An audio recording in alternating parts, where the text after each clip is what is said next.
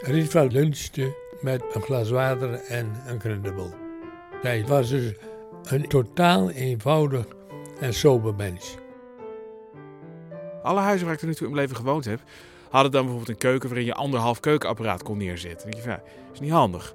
Of een, een stuk hal waar je eigenlijk net niks kwijt kon, waar net geen kapstok kon. Nou, Dat zou je in een Rietveldhuis niet overkomen.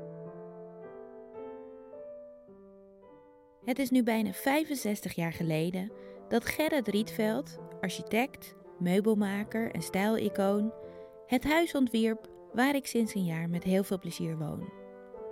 In deze driedelige podcast probeer ik er samen met zijn kleinzoon, oud-collega en bewonderaars erachter te komen wie hij nou eigenlijk was en wat hij achterliet. En die militaire krukjes waren bij mij thuis afgeleverd. En toen zei mijn oppas: Wat is dat nou voor een brandhout?